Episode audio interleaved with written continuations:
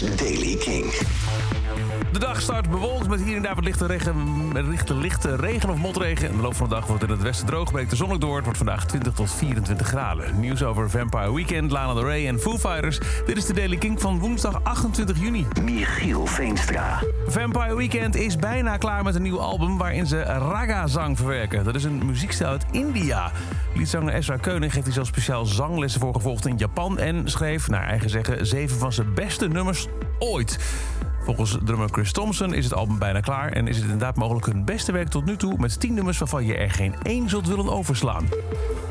Super last minute, Lana Del Rey treedt volgende week dinsdag al op in de Ziggo Dome in Amsterdam. Een onverwachte toevoeging aan haar Europese tourschema. Het wordt haar derde concert in Nederland en het eerste na een decennium. Haar vorige optredens waren in Avas Live en Paradiso. En in 2020 zou ze optreden in Ziggo Dome, maar dit concert moest ze wegens ziekte annuleren. En toen werd er geen nieuwe datum geprikt.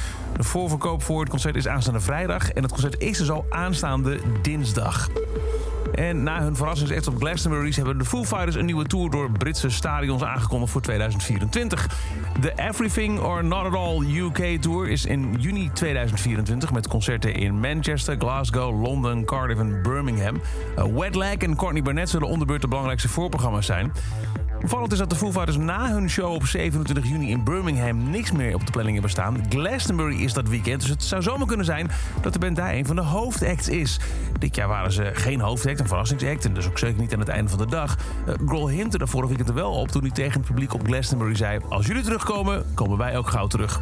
Ook leert een blik op dit schema dat Pinkpop niet heel erg waarschijnlijk is... want de Pinkpopdagen vallen echt precies tussen de shows in Londen en Birmingham heen. Ze zouden ze echt voor één dag op en neer moeten. Dus of dat erin zit, binnenkort ongetwijfeld meer. En tot zover dan deze editie van The Daily Kink.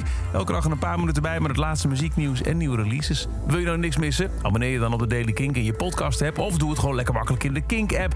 En voor meer nieuwe muziek en muzieknieuws... hoor je vanavond om 7 uur op de radio weer Kink in Touch. Elke dag het laatste muzieknieuws en de belangrijkste releases in The Daily Kink. Check hem op kink.nl of vraag om Daily Kink aan je smart speaker.